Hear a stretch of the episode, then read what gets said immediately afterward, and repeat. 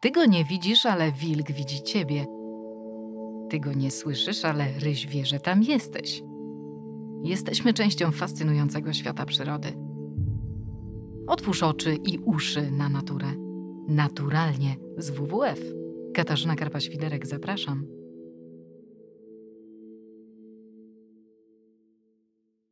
A dzisiaj naturalnie z WWF poświęcimy Bałtykowi. Już nie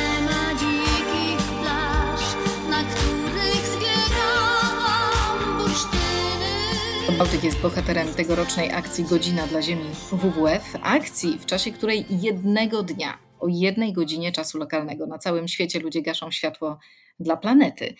Firmy, władze miast wygaszają też e, oświetlenie charakterystycznych budynków, ale w Polsce każdego roku ta akcja NAM, czyli Fundacji WWF Polska, pozwala gasząc światło nagłośnić palący problem środowiskowy.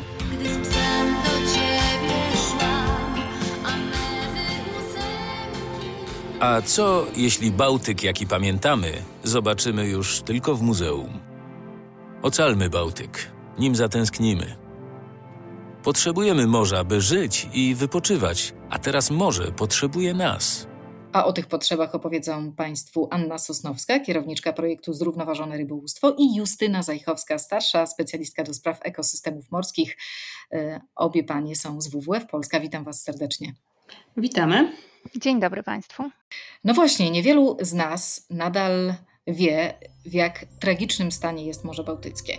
Nad morzem wypoczywamy, narzekamy systematycznie na brak pogody, albo cieszymy się, że w końcu jest. Marzymy o bałtyckich plażach zimą, ale też zimą lubimy ucinać sobie spacery, jeżeli ktoś może, to ucieka nad Bałtyk, żeby zaczerpnąć świeżego powietrza i trochę jodu. Ale nie myślimy często o, to, o tym, co dzieje się pod powierzchnią. Więc dziś chciałabym dzięki Wam zejść pod wodę. W petycji, e, którą prosimy, udostępniamy, prosimy ludzi o podpisywanie, mówimy o czterech obszarach, w których konieczne są natychmiastowe działania i te obszary to eutrofizacja, za chwilę o tym, co to jest, brak zrównoważonego rybołówstwa, sieci widmo, obszary chronione i ssaki bałtyckie. Aniu, na początek pytanie do Ciebie, czy prośba do Ciebie, żebyś opowiedziała nam właśnie, czym jest eutrofizacja i dlaczego w petycji to jest ten numer jeden, jeśli chodzi o zagrożenie dla Bałtyku. E, eutrofizacja oznacza przeżyźnienie, czyli po prostu zbyt dużą ilość substancji odżywczych e, w toni morskiej. Te, te substancje odżywcze to są związki azotu i fosforu, które trafiają do wód morskich e, i trafiają z przyczyn działalności człowieka. To znaczy 50% tych substancji pochodzi z rolnictwa, z nadmiarów stosowanych nawozów sztucznych i naturalnych czyli po prostu odchodów zwierząt, a połowa pochodzi z przemysłu, z depozycji powietrza, ze ścieków. Więc e, tutaj e, te zakwity sinic i glonów to jest zjawisko naturalne, ale w tym momencie mamy do czynienia już z przekroczeniem tej naturalności i z nadmiernymi zakwitami. I Czyli to nie jest tak, że to jest zatrucie Bałtyku. E, definicja trucizny jest taka, że wszystko może być trucizną w zależności od ilości. Więc e, myślę, że tutaj mamy do czynienia z taką sytuacją, że po prostu jest tego za dużo. 97% e, e, Morza Bałtyckiego wykazuje efekty eutrofizacji, czyli jest po prostu przeżyźniony. I do czego to prowadzi? W takich sytuacjach, kiedy mamy ciepłe lato, kiedy utrzymuje się temperatura wody powyżej 15 stopni Celsjusza, dochodzi do e, tych właśnie nadmiernych wykwitów glonów i sinic i wtedy możemy zaobserwować przede wszystkim, że woda zamienia się w taką gęstą zieloną breję, ale e, też zamykane są kąpieliska. No właśnie, ta e, taka zielona breja, o której mówisz, raczej kojarzy nam się e, ze stojącą wodą w jakichś niewielkich akwenach, e, w jakichś zbiornikach, powiedzmy, retencyjnych, a nie kojarzy się z otwartym, falującym, ogromnym, mimo wszystko patrząc na naszą wielkość i wielkość morza, akwenem, jakim jest Morze Bałtyckie. No właśnie, i to niestety w ostatnich latach coraz częściej to zjawisko występuje. Na przykład w 2018 roku aż 45% z naszych E, kąpielisk nadbałtyckich było czasowo zamkniętych ze względu na zakwity sinic, a w 2019 roku było już, e, to już 57%. czyli e, tak naprawdę mm, ten problem wzrasta. I e, to nie jest niestety tylko nasz problem i taka niedogodność związana z kąpielami wakacyjnymi, ale przede wszystkim jest to problem środowiskowy, bo przez te zakwity, które występują, światło słoneczne nie dociera do niższych warstw wody i organizmy, które potrzebują go do życia, zaczynają opumierać. Dodatkowo e, silnice, które przekwitną, zaczynają opadać na dno i tam są rozkładane przez bakterie tlenowe, które tego, w tym procesie zużywają tlen niezbędny organizmom do życia w e, warstwach przydennych. No i teraz, e, i teraz warto byłoby to pytanie, czy jakby narrację przekierować do Justyny, bo Justyna, ty zajmujesz się no, wieloma e, kwestiami dotyczącymi Bałtyku, ale najbliższe są ci ryby. A ryba bez tlenu, tak samo jak bez wody, żyć nie może. E, dokładnie, więc te martwe strefy, które powstają na wskutek eutrofizacji, no, są to miejsca, które już nie będą tymi, które na przykład nasz dorsz, przydenny, przydenny gatunek ryby, wybierze e, na potencjalne tarlisko, e, czyli potencjalne miejsce do rozmnażania. E, więc pewne nisze ekologiczne przydenne są zupełnie niedostępne dla tlenowych, dla, dla tych organizmów, które, które oddychają tlenem rozpuszczonym w wodzie. Powierzchnia tych wspomnianych martwych stref, tylko, czyli stref, w których już brakuje tlenu, osiągnęła ponad 17% powierzchni dna Morza Bałtyckiego, a w kolejnych 28% powierzchni e, ta ilość tlenu jest już ograniczona. Czyli tak naprawdę to jest e, bardzo duża część powierzchni morza, o której mówimy. To właściwie można by było wysnuć taki wniosek, że skoro jedna piąta morza jest wykluczona z użytkowania przez ryby, to jest o tyle ryby mniej. A jest chyba jeszcze gorzej, Justyno. Um, tak, to znaczy mamy niepokojące dane, e, które mówią nam o e, rybach e, z tych stad bałtyckich i tych gatunków, które są komercyjnie eksploatowane, które są po prostu poławiane. A mianowicie aż 6 na 7 zbadanych poławionych stad ryb Morza Bałtyckiego jest aktualnie nadmiernie eksploatowana. E, są to właściwie, no jest to większość poławianych stad.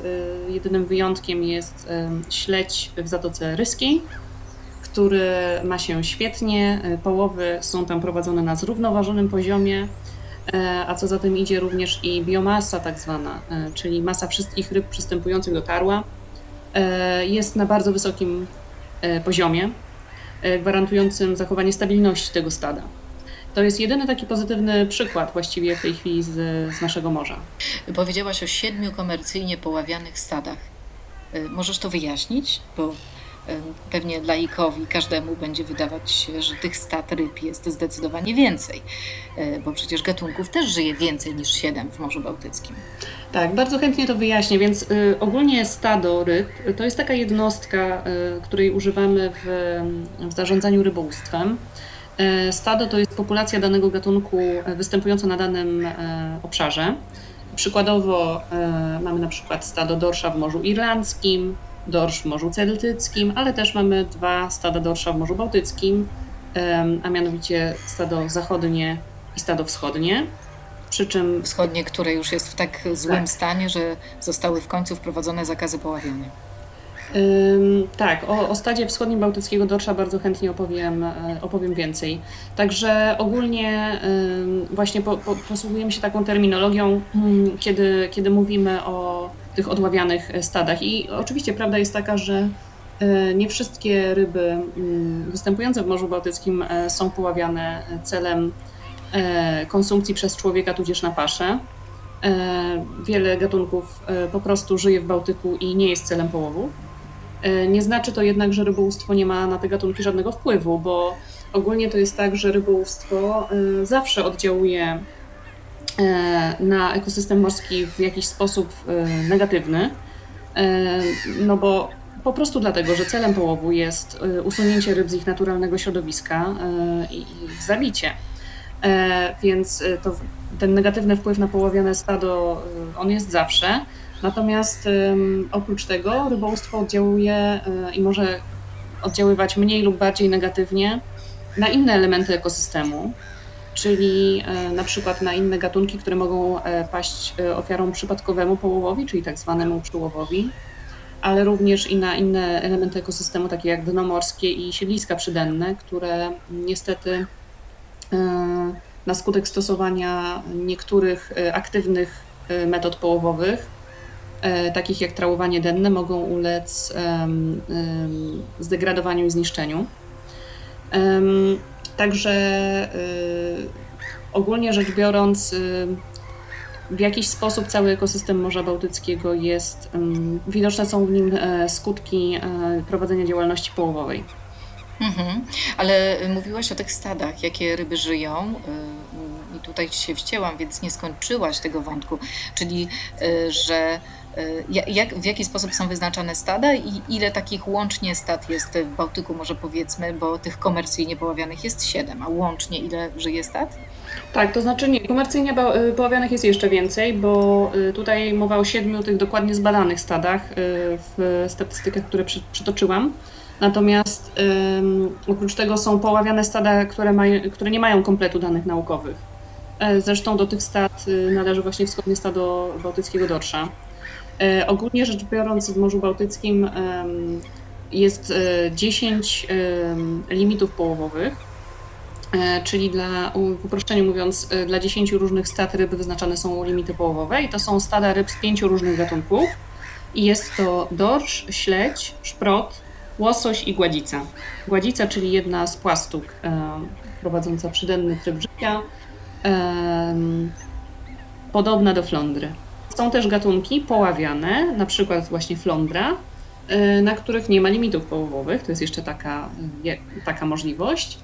Y, no i wreszcie są gatunki ryb występujące w Bałtyku, które w ogóle nie są w żaden sposób poławiane, a są chronione, na przykład parposz, albo na przykład y, takie, taka ciekawostka, mamy też w Bałtyku tak zwaną żywą skamieniałość, czyli gatunek reliktowy, to jest dennik, który mhm. nie ma łusek, e, jest tak jakby nagą rybą, e, która nie ma żadnego znaczenia e, takiego komercyjnego, a, jest to jak najbardziej mieszkaniec Bałtyku.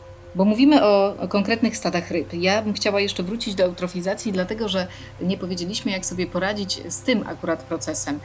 Aniu, to jest jeden z tych bardzo ważnych czynników, który przeszkadza rybom. Już liznęliśmy trochę kwestię nadmiernego rybołówstwa, ale ci, którzy nas słuchają, pewnie chcieliby mieć jakieś poczucie sprawczości. Czy my, jako obywatele, mamy sprawczość, jeśli chodzi o te martwe strefy?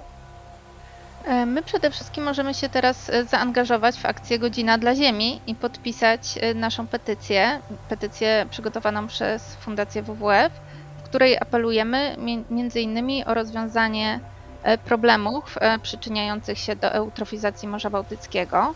I tutaj apelujemy między innymi e, do premiera Morawieckiego o wsparcie działań promujących szkolenia dla rolników i rolniczek, ale także dla doradców i doradczyń rolniczych, promujących praktyki rolnicze przyjazne środowisku morskiemu, zapewnienie finansowania na wdrażanie tych praktyk, E, doposażanie organów kontrolnych, ograniczanie e, też powstawania nowych takich inwestycji związanych z intensywną produkcją zwierzęcą, która jest wyjątkowo szkodliwa e, dla, dla Morza Bałtyckiego, dla tego zanieczyszczenia wody i innych tego typu rozwiązań. Więc... Czyli to jest trochę tak, że WWF robi to za czy ze wsparciem każdego Polaka, jeżeli ten Polak będzie chciał się zaangażować w godzinę dla Ziemi, bo mm, pojedynczy ludzie ograniczony mają wpływ jednak na to, ile tych bieganów do rzek, a następnie do morza spłynie.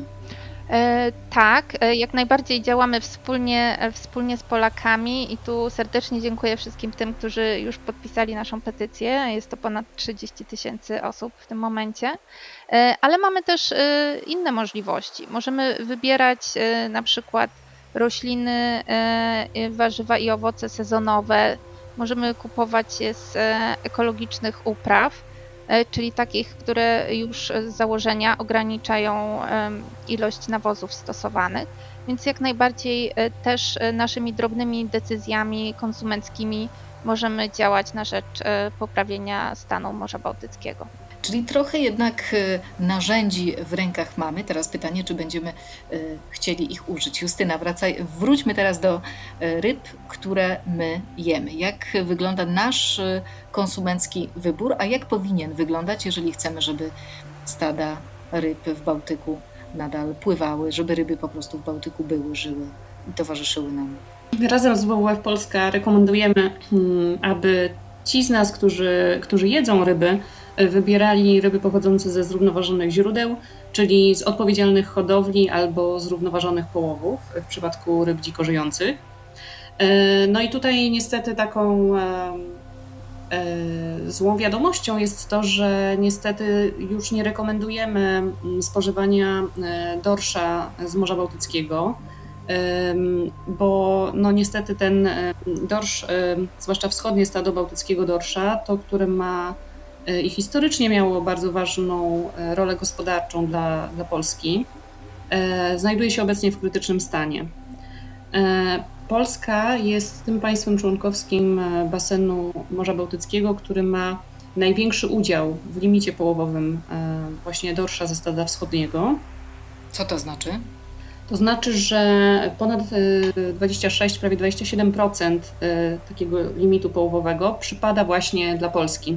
I my go realizujemy? Połowowe ustalane są co roku i po, mhm. są dzielone Y, pomiędzy poławiające je państwa na zasadzie tak zwanej relatywnej stabilności, czyli stałego procentu, y, które zostało przyznane kilkadziesiąt lat temu już, wydaje mi się, na stałe każdemu państwu członkowskiemu. Także to jest taka taki stały, stała część, którą dane państwo członkowskie ma w danym limicie połowowym. No i Polska ma tą właśnie dużą część, aż ponad jedną czwartą limitu do dyspozycji, jeżeli chodzi o wschodnie stado bałtyckiego dorsza. Natomiast e, no, aktualnie, tak jak wcześniej wspomnieliśmy, obowiązuje zakaz połowów docelowych na wschodnim bałtyckim e, stadzie dorsza. E, przyznany jest tylko bardzo niewielki limit na przypadkowy połów tej ryby podczas połowów innych, innych gatunków. A gdybyś mogła jeszcze powiedzieć o tym historycznym znaczeniu dorsza, bo Y, ja mm, znam takie przekazy, kiedy po wojnie właśnie dorsz pozwalał nam mhm. wyżywić ludność, tak? Nie było tak. jeszcze e, szansy na to, żeby wyprodukować tyle żywności, po, podnosząc się z klęsek wojennych, nawet były brzydkie powiedzenia, jedzcie dorsze, mhm, gorsze. E, właśnie, może... właśnie. Mhm. Mhm. No, Jak to, to jest, jest, możliwe, że teraz znaleźliśmy się w sytuacji, kiedy ryba, która była tak powszechna, e, tak pospolita wręcz, że aż przestaliśmy ją szanować, nagle prawie zniknęła z Bałtyku. Tak, no warto się nad tym tematem chwilę pochylić. To jest, to jest w ogóle niezwykła historia. Otóż w ogóle historycznie e, dorsz w Morzu Bałtyckim mógł osiągać aż 1,50 m długości, e, przy czym e, poławianie ryb około 50 cm było normą, a, a obecnie już nawet 20-30 cm dorsze w Bałtyku przystępują do rozmnażania. To wskazuje na to, że, że ryby z tego gatunku, z tego stada karłowacieją. W ogóle kondycja osobników jest, jest bardzo niska. E, zresztą przed laty i, i, i nawet ostatnio sami rybacy przyz, przyznają, że, że ten dorsz ze wschodniego bałtyckiego stada głoduje, że, że ma puste żołądki. E, to jest wszystko bardzo niepokojące zjawisko i świadczy o, o złej kondycji całego ekosystemu. E, I tutaj przyczyn jest tak naprawdę wiele i warto podkreślać to, że, że tych przyczyn e, tego zjawiska jest wiele. E, to nie jest tak, że samo rybołówstwo ponosi odpowiedzialność za, za ten stan rzeczy. Między innymi rybołówstwo, ale nie tylko. Od niego mimo wszystko zacznę. Warto powiedzieć głośno, że od 2013 roku, rok rocznie, limity połowowe dla dorsza ze wschodniego bałtyckiego stada były wyznaczane przez ministrów do spraw rybołówstwa na zbyt wysokim poziomie, to znaczy na poziomie przekraczającym doradztwo naukowe, czyli taki bezpieczny, zrównoważony próg. Czyli taki próg, który pozwala jeszcze rybom się rozmnażać, tak? I Tak, może nie pozwala- rozmnażać, tylko stadu jakby się odradzać po tym, Tak, jak e, tak. część z tego stada my wyłowimy, zabijemy, zjemy. próg, który pozwala właśnie zachować taką stabilność stada, tak jak, tak jak mówisz. E, No i ponadto y, dochodzi wciąż i, niepokojące są y, raporty nawet i samej Komisji Europejskiej mówiące o tym, że cały czas ma miejsce praktyka odrzutów. E, Czyli e, tutaj może mm, chwilka wytłumaczenia. Przed laty na morzach Unii Europejskiej notorycznie dochodziło do, tak, do, do wyrzucania martwych ryb przypadkowo złowionych podczas połowu za burtę statku. Unia Europejska postanowiła e, skończyć z tą marnotrawną praktyką i wprowadziła tak zwany zakaz odrzutów, czyli obowiązek wyładunku całego połowu w portach. E, Taką marnotrawną praktyką, przepraszam, że wejdę Ci w słowo, ale też okrutną praktyką, bo nie zapominajmy, że to są zwierzęta i my im po prostu odbieramy życie, tak? A potem nawet ta cen, jakby nawet ta ofiara życia nie jest wykorzystana, bo po prostu jak śmieć wyrzucamy tą rybę za burtę.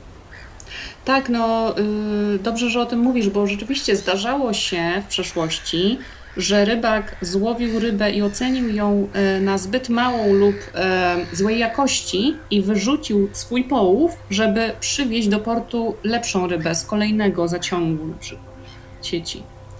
I rzeczywiście to nie był, trudno już to nazwać też przypadkowym połowem, ten pierwszy, który został wyrzucony za burtę, bo był na przykład gorszej jakości, prawda?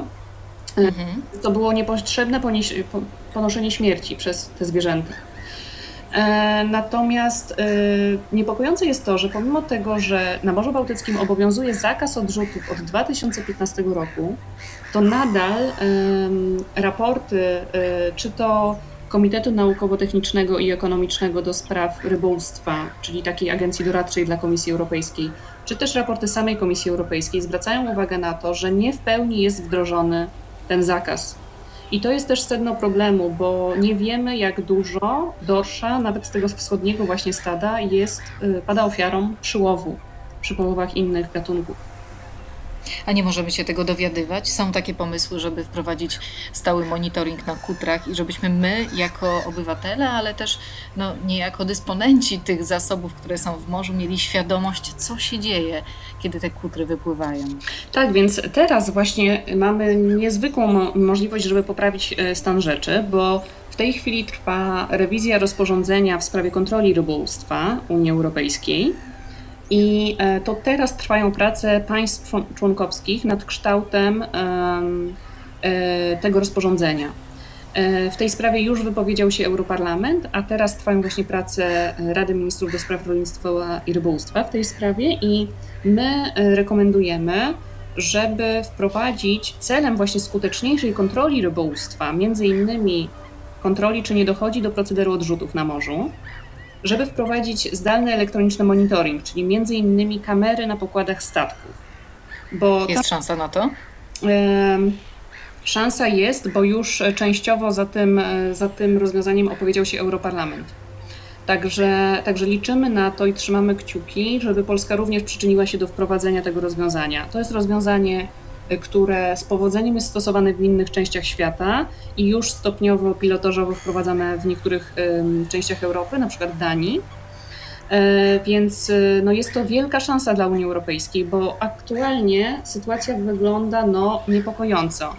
E, Musimy sobie wyobrazić, że w tej chwili aż 3 czwarte wszystkich jednostek połowowych Unii Europejskiej znajduje się tak naprawdę poza radarami organów odpowiedzialnych za kontrolę rybołówstwa. Z tego powodu, że 3 czwarte jednostek Unii to są jednostki tak zwanej małej skali, e, poniżej 12 metrów. I e, pewne e, przepisy w sprawie kontroli nie obowiązują w ogóle na takich małych jednostkach, na przykład przepis dotyczący podawania lokalizacji prowadzenia połowów. Także no, mm, my jesteśmy za tym, żeby kontrolą rybołówstwa skuteczną objąć całą flotę Unii Europejskiej, łącznie z e, mniejszymi e, jednostkami. E, I to wszystko pomogłoby również e, w zapewnieniu ochrony bałtyckiego dorsza. Absolutnie. I to też dawałoby równość szans, jeżeli te kontrole byłyby wszędzie, prawda? Czyli Dokładnie. na każdym kutrze i każdy musiałby przestrzegać prawa. Nie byłoby tak, że ktoś może e, jechać po bandzie, być w szarej strefie, wyrzucać e, ryby za, e, za burtę, a ktoś inny będzie robił wszystko tak, jak powinien. Aniu, masz taką optykę na całość problemów Morza Bałtyckiego i to już od lat. Nie masz takiego poczucia, że to wszystko idzie za wolno, że jesteśmy tacy oporni, jeśli no, chodzi o ochronę Niestety morza. to nie jest tylko poczucie, Kasiu, bo mamy, mamy na to e, tak naprawdę tutaj większe dowody. Przede wszystkim e, państwa nadbałtyckie w ramach pracy Komisji Helsińskiej wyznaczyły sobie za cel osiągnięcie dobrego stanu środowiska morskiego. E, Morza Bałtyckiego. Tak samo ramowa dyrektywa w sprawie strategii morskiej Unii Europejskiej wyznaczyła państwom europejskim osiągnięcie dobrego stanu wód morskich w Europie do roku 2020 i e, ten, ten cel nie został zrealizowany dla Morza Bałtyckiego. Mamy 2021 rok i chociaż podajesz nazwy, które brzmią bardzo trudno, można je pewnie streścić y, w trzech zdaniach, w trzech słowach. Ma być dobrze. Tak, dokładnie. No to wszystko jest, jest y, bardzo dokładnie określone, jak się mierzy, czy ten stan y, wód jest dobry czy zły i to jest trochę tak, jak idziesz do lekarza i on ci bada różne, różne elementy, raz głowy, raz nerki, raz coś to tak samo jest e, tutaj z badaniem morza, że są e, określone różne deskryptory. Na przykład jednym z takich przykładów jest właśnie poziom eutrofizacji w danym akwenie. No i niestety można to określić jako po prostu zły stan. Dlatego właśnie w tym, w tym roku, w tym momencie nagłaśniamy problem Morza Bałtyckiego i, e, I dlatego teraz działamy z godziną dla Ziemi. Teraz prosimy o wsparcie e, wszystkie Polki i Polaków, y, żeby podpisali naszą petycję. A jeszcze chciałam dodać, że e, tak naprawdę takie, taki stan Morza Bałtyckiego, między innymi przełowienie, to nie jest tylko problem tutaj w naszym kraju, czy problem w regionie, bo w momencie, kiedy my przeławiamy nasze łowiska e, i brakuje nam ryb, to my nie, nie ograniczamy naszego konsumpcjonizmu, tylko po prostu importujemy ryby, na które mamy zapotrzebowanie z innych krajów, między innymi z krajów globalnego południa. I wtedy przenosimy ten, te presje środowiskowe i ten e, problem e, nadmiernych połowów po prostu na inne regiony świata.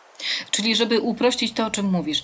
Z jednej strony wyławiamy ogromne ilości ryby, tak duże z Bałtyku, że stada nie są w stanie się odnawiać i mamy e, stada, które są zagrożone wyginięciem. Z drugiej strony część z tych ryb po prostu wyrzucamy, a z trzeciej strony jeszcze ściągamy e, ryby z gdzieś z zagranicy, czasami samolotem, e, mając ogromny ślad węglowy i zabierając te ryby tym, którzy powinni je zjeść, bo są po prostu głodni jak nie będziemy o tym mówić w taki prosty, obrazowy sposób, to, to, to, to, po prostu nic się nie zmieni. I tu, Aniu, mówisz też trochę, zahaczasz o tą sprawczość, bo to przecież my kupujemy te krewetki, te pangi, te tilapie, czy y, łososia chociażby atlantyckiego, który też jest przecież zagrożony.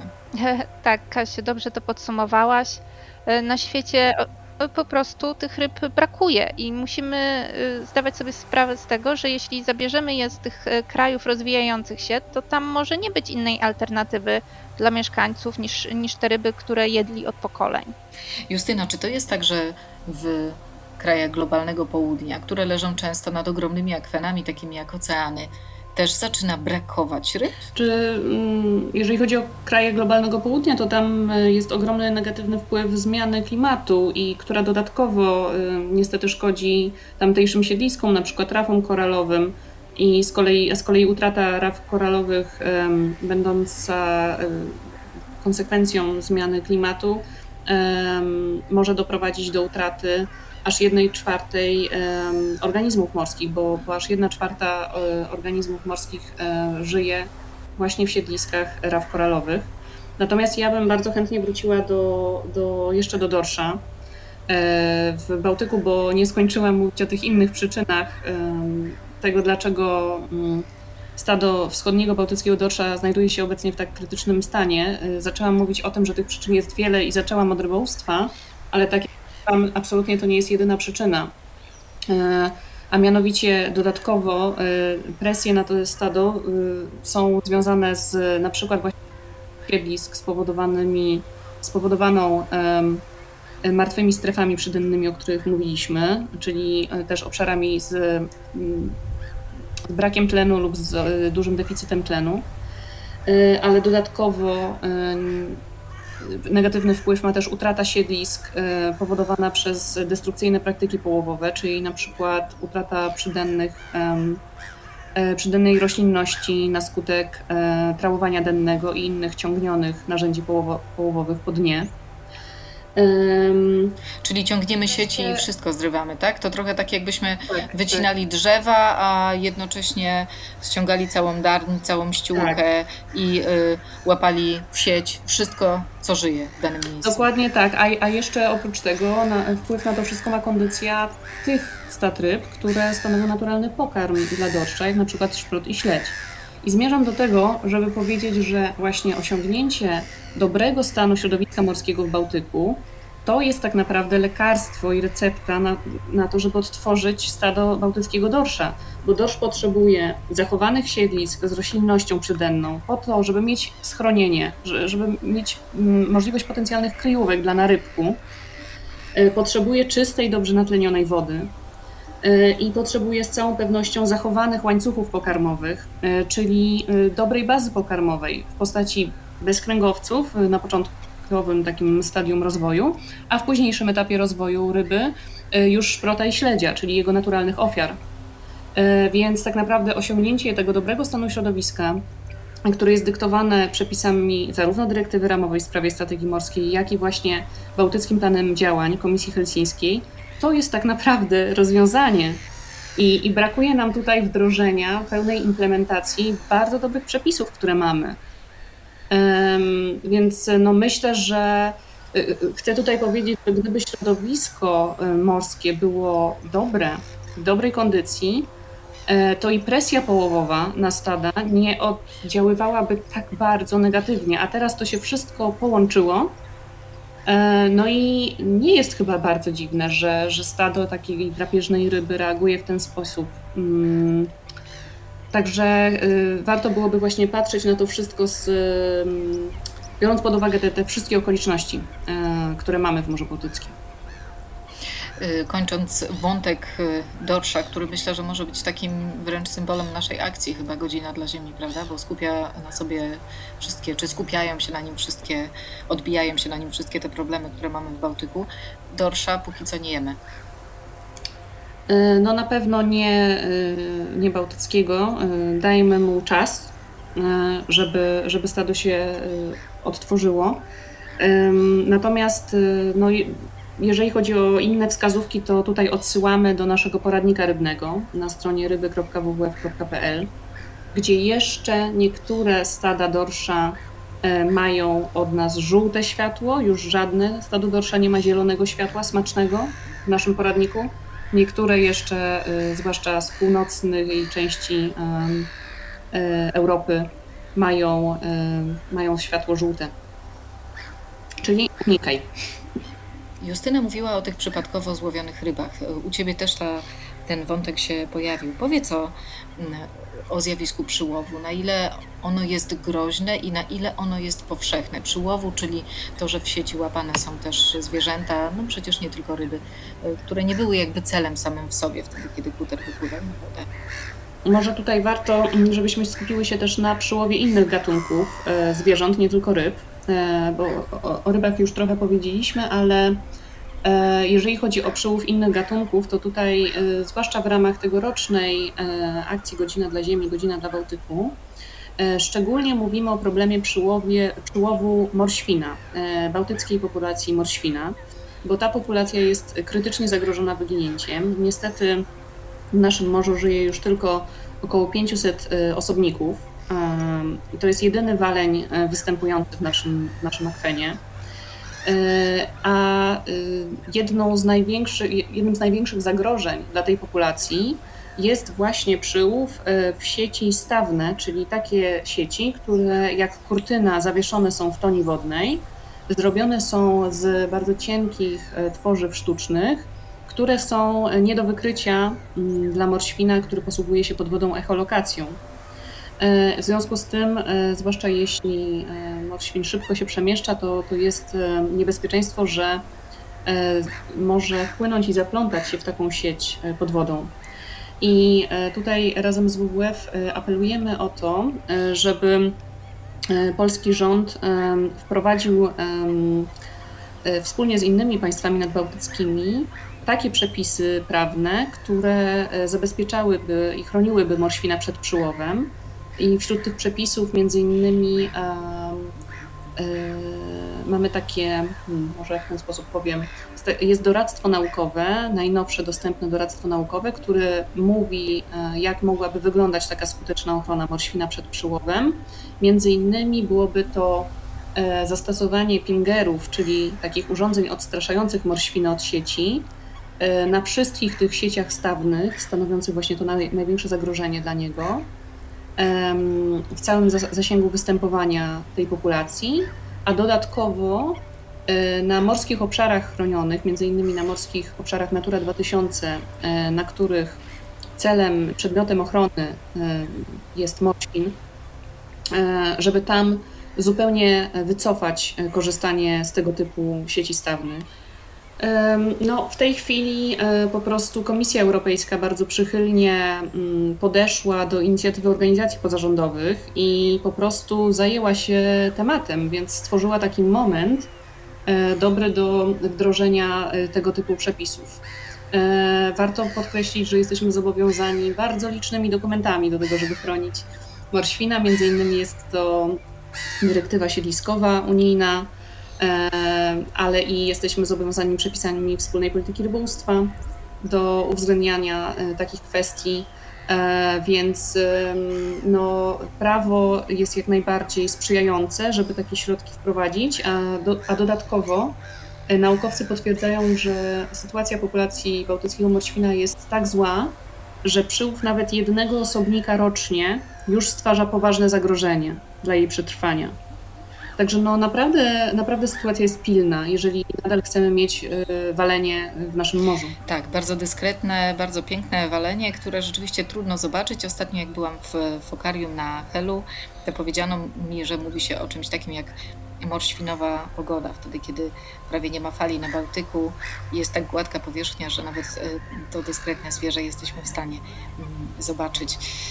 Y, Aniu, powiedzieliśmy o przyłowie, y, powiedzmy jeszcze o sieciach widmo, bo one też dokonują, można powiedzieć, przyłowu, tak? Chociaż może nie będzie to do końca precyzyjnie. Co to są sieci widmo i na ile są groźne dla morskiego e, Sieci widmo to są te same sieci rybackie, które uległy zniszczeniu, uszkodzeniu, urwaniu, na przykład na, przykład na skutek sztormów, zaczepień o występy skalne one dalej dryfują w toni morskiej i stanowią zagrożenie dla zwierząt, w tym dla ssaków morskich, ptaków i ryb. Stanowią też e, zagrożenie dla nurków. I w te sieci mogą się zaplątać e, organizmy i potem e, dusić przez dłuższy czas i ginąć tak naprawdę bez, bez pożytku dla nikogo.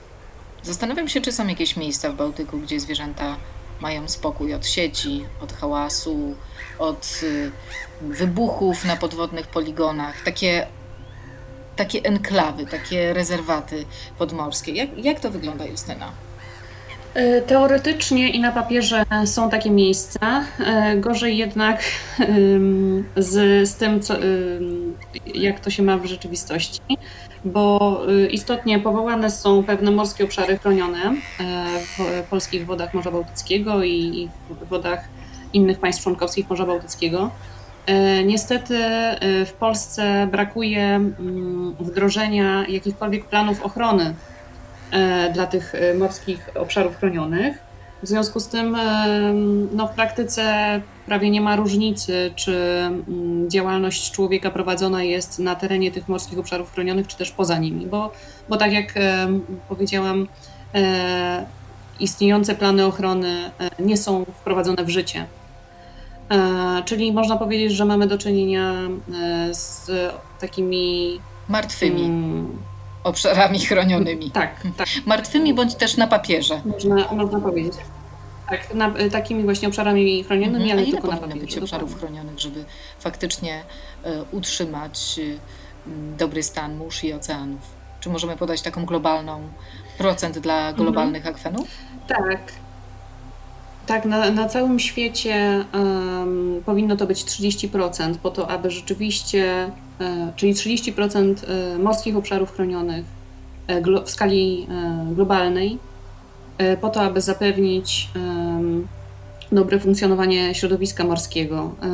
Natomiast dodatkowo 10% em, z całkowitych właśnie obszarów mórz i oceanów powinno być zupełnie wyłączonych e, z jakiegokolwiek użytkowania i, i, i nie podlegać żadnej presji ze strony człowieka, chociażby po to, aby takie obszary mogły stanowić taki, taki punkt odniesienia dla badań naukowych.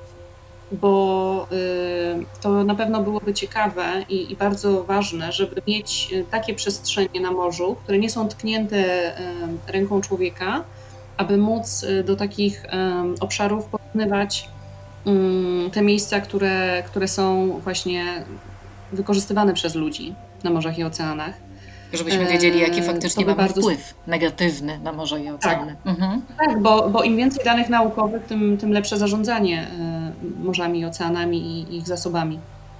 W Polsce mamy około 24% polskich wód y, Bałtyku wyznaczone jako obszary chronione, ale większość z nich nie ma y, po prostu ustalonych tych planów ochrony, czyli nie są zidentyfikowane zagrożenia e, i sposoby ich minimalizowania, tylko y, nie jest to zatwierdzone, bo teoretycznie prace nad tymi dokumentami właśnie trwają już e, w niektórych przypadkach ponad 10 lat.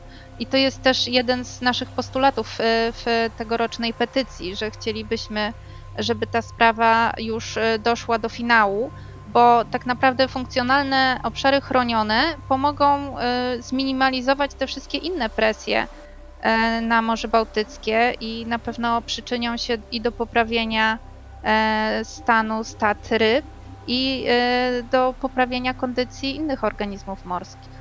I w ten sposób y, omówiliśmy wszystkie najważniejsze obszary, nie oddaliśmy jeszcze głosu bałtyckim fokom, więc może zróbmy to po prostu słuchając ich. Cały czas na naszej stronie internetowej jest petycja w ramach Godziny dla Ziemi. Bardzo prosimy o podpisanie. Każdy głos się liczy. Uratujmy morze przyszłych wspomnień. Zróbmy to dla Bałtyku i wszystkiego, co w nim kochamy. Dla morświnów. Dla fok. Dla każdego ziarenka piasku. Zapraszamy wszystkich Państwa do przyłączenia się do finału Godziny dla Ziemi w sobotę 27 marca o godzinie 20.30. Na godzinę symbolicznie gasimy światło, żeby pokazać nasze wsparcie dla Morza Bałtyckiego. Y, Jest jeszcze jeden sposób, y, w jaki mogą Państwo przyłączyć się do naszej akcji. Mm, Polecamy, aby wybrać swoje sentymentalne zdjęcie z pobytu nad Bałtykiem i opublikować je na swoim Instagramie e, wraz z, z hashtagiem e, Godzina dla Bałtyku. E, Prosimy również o oznaczenie naszego profilu WWF Polska. No i oczywiście do namówienia do podobnej akcji swoich znajomych.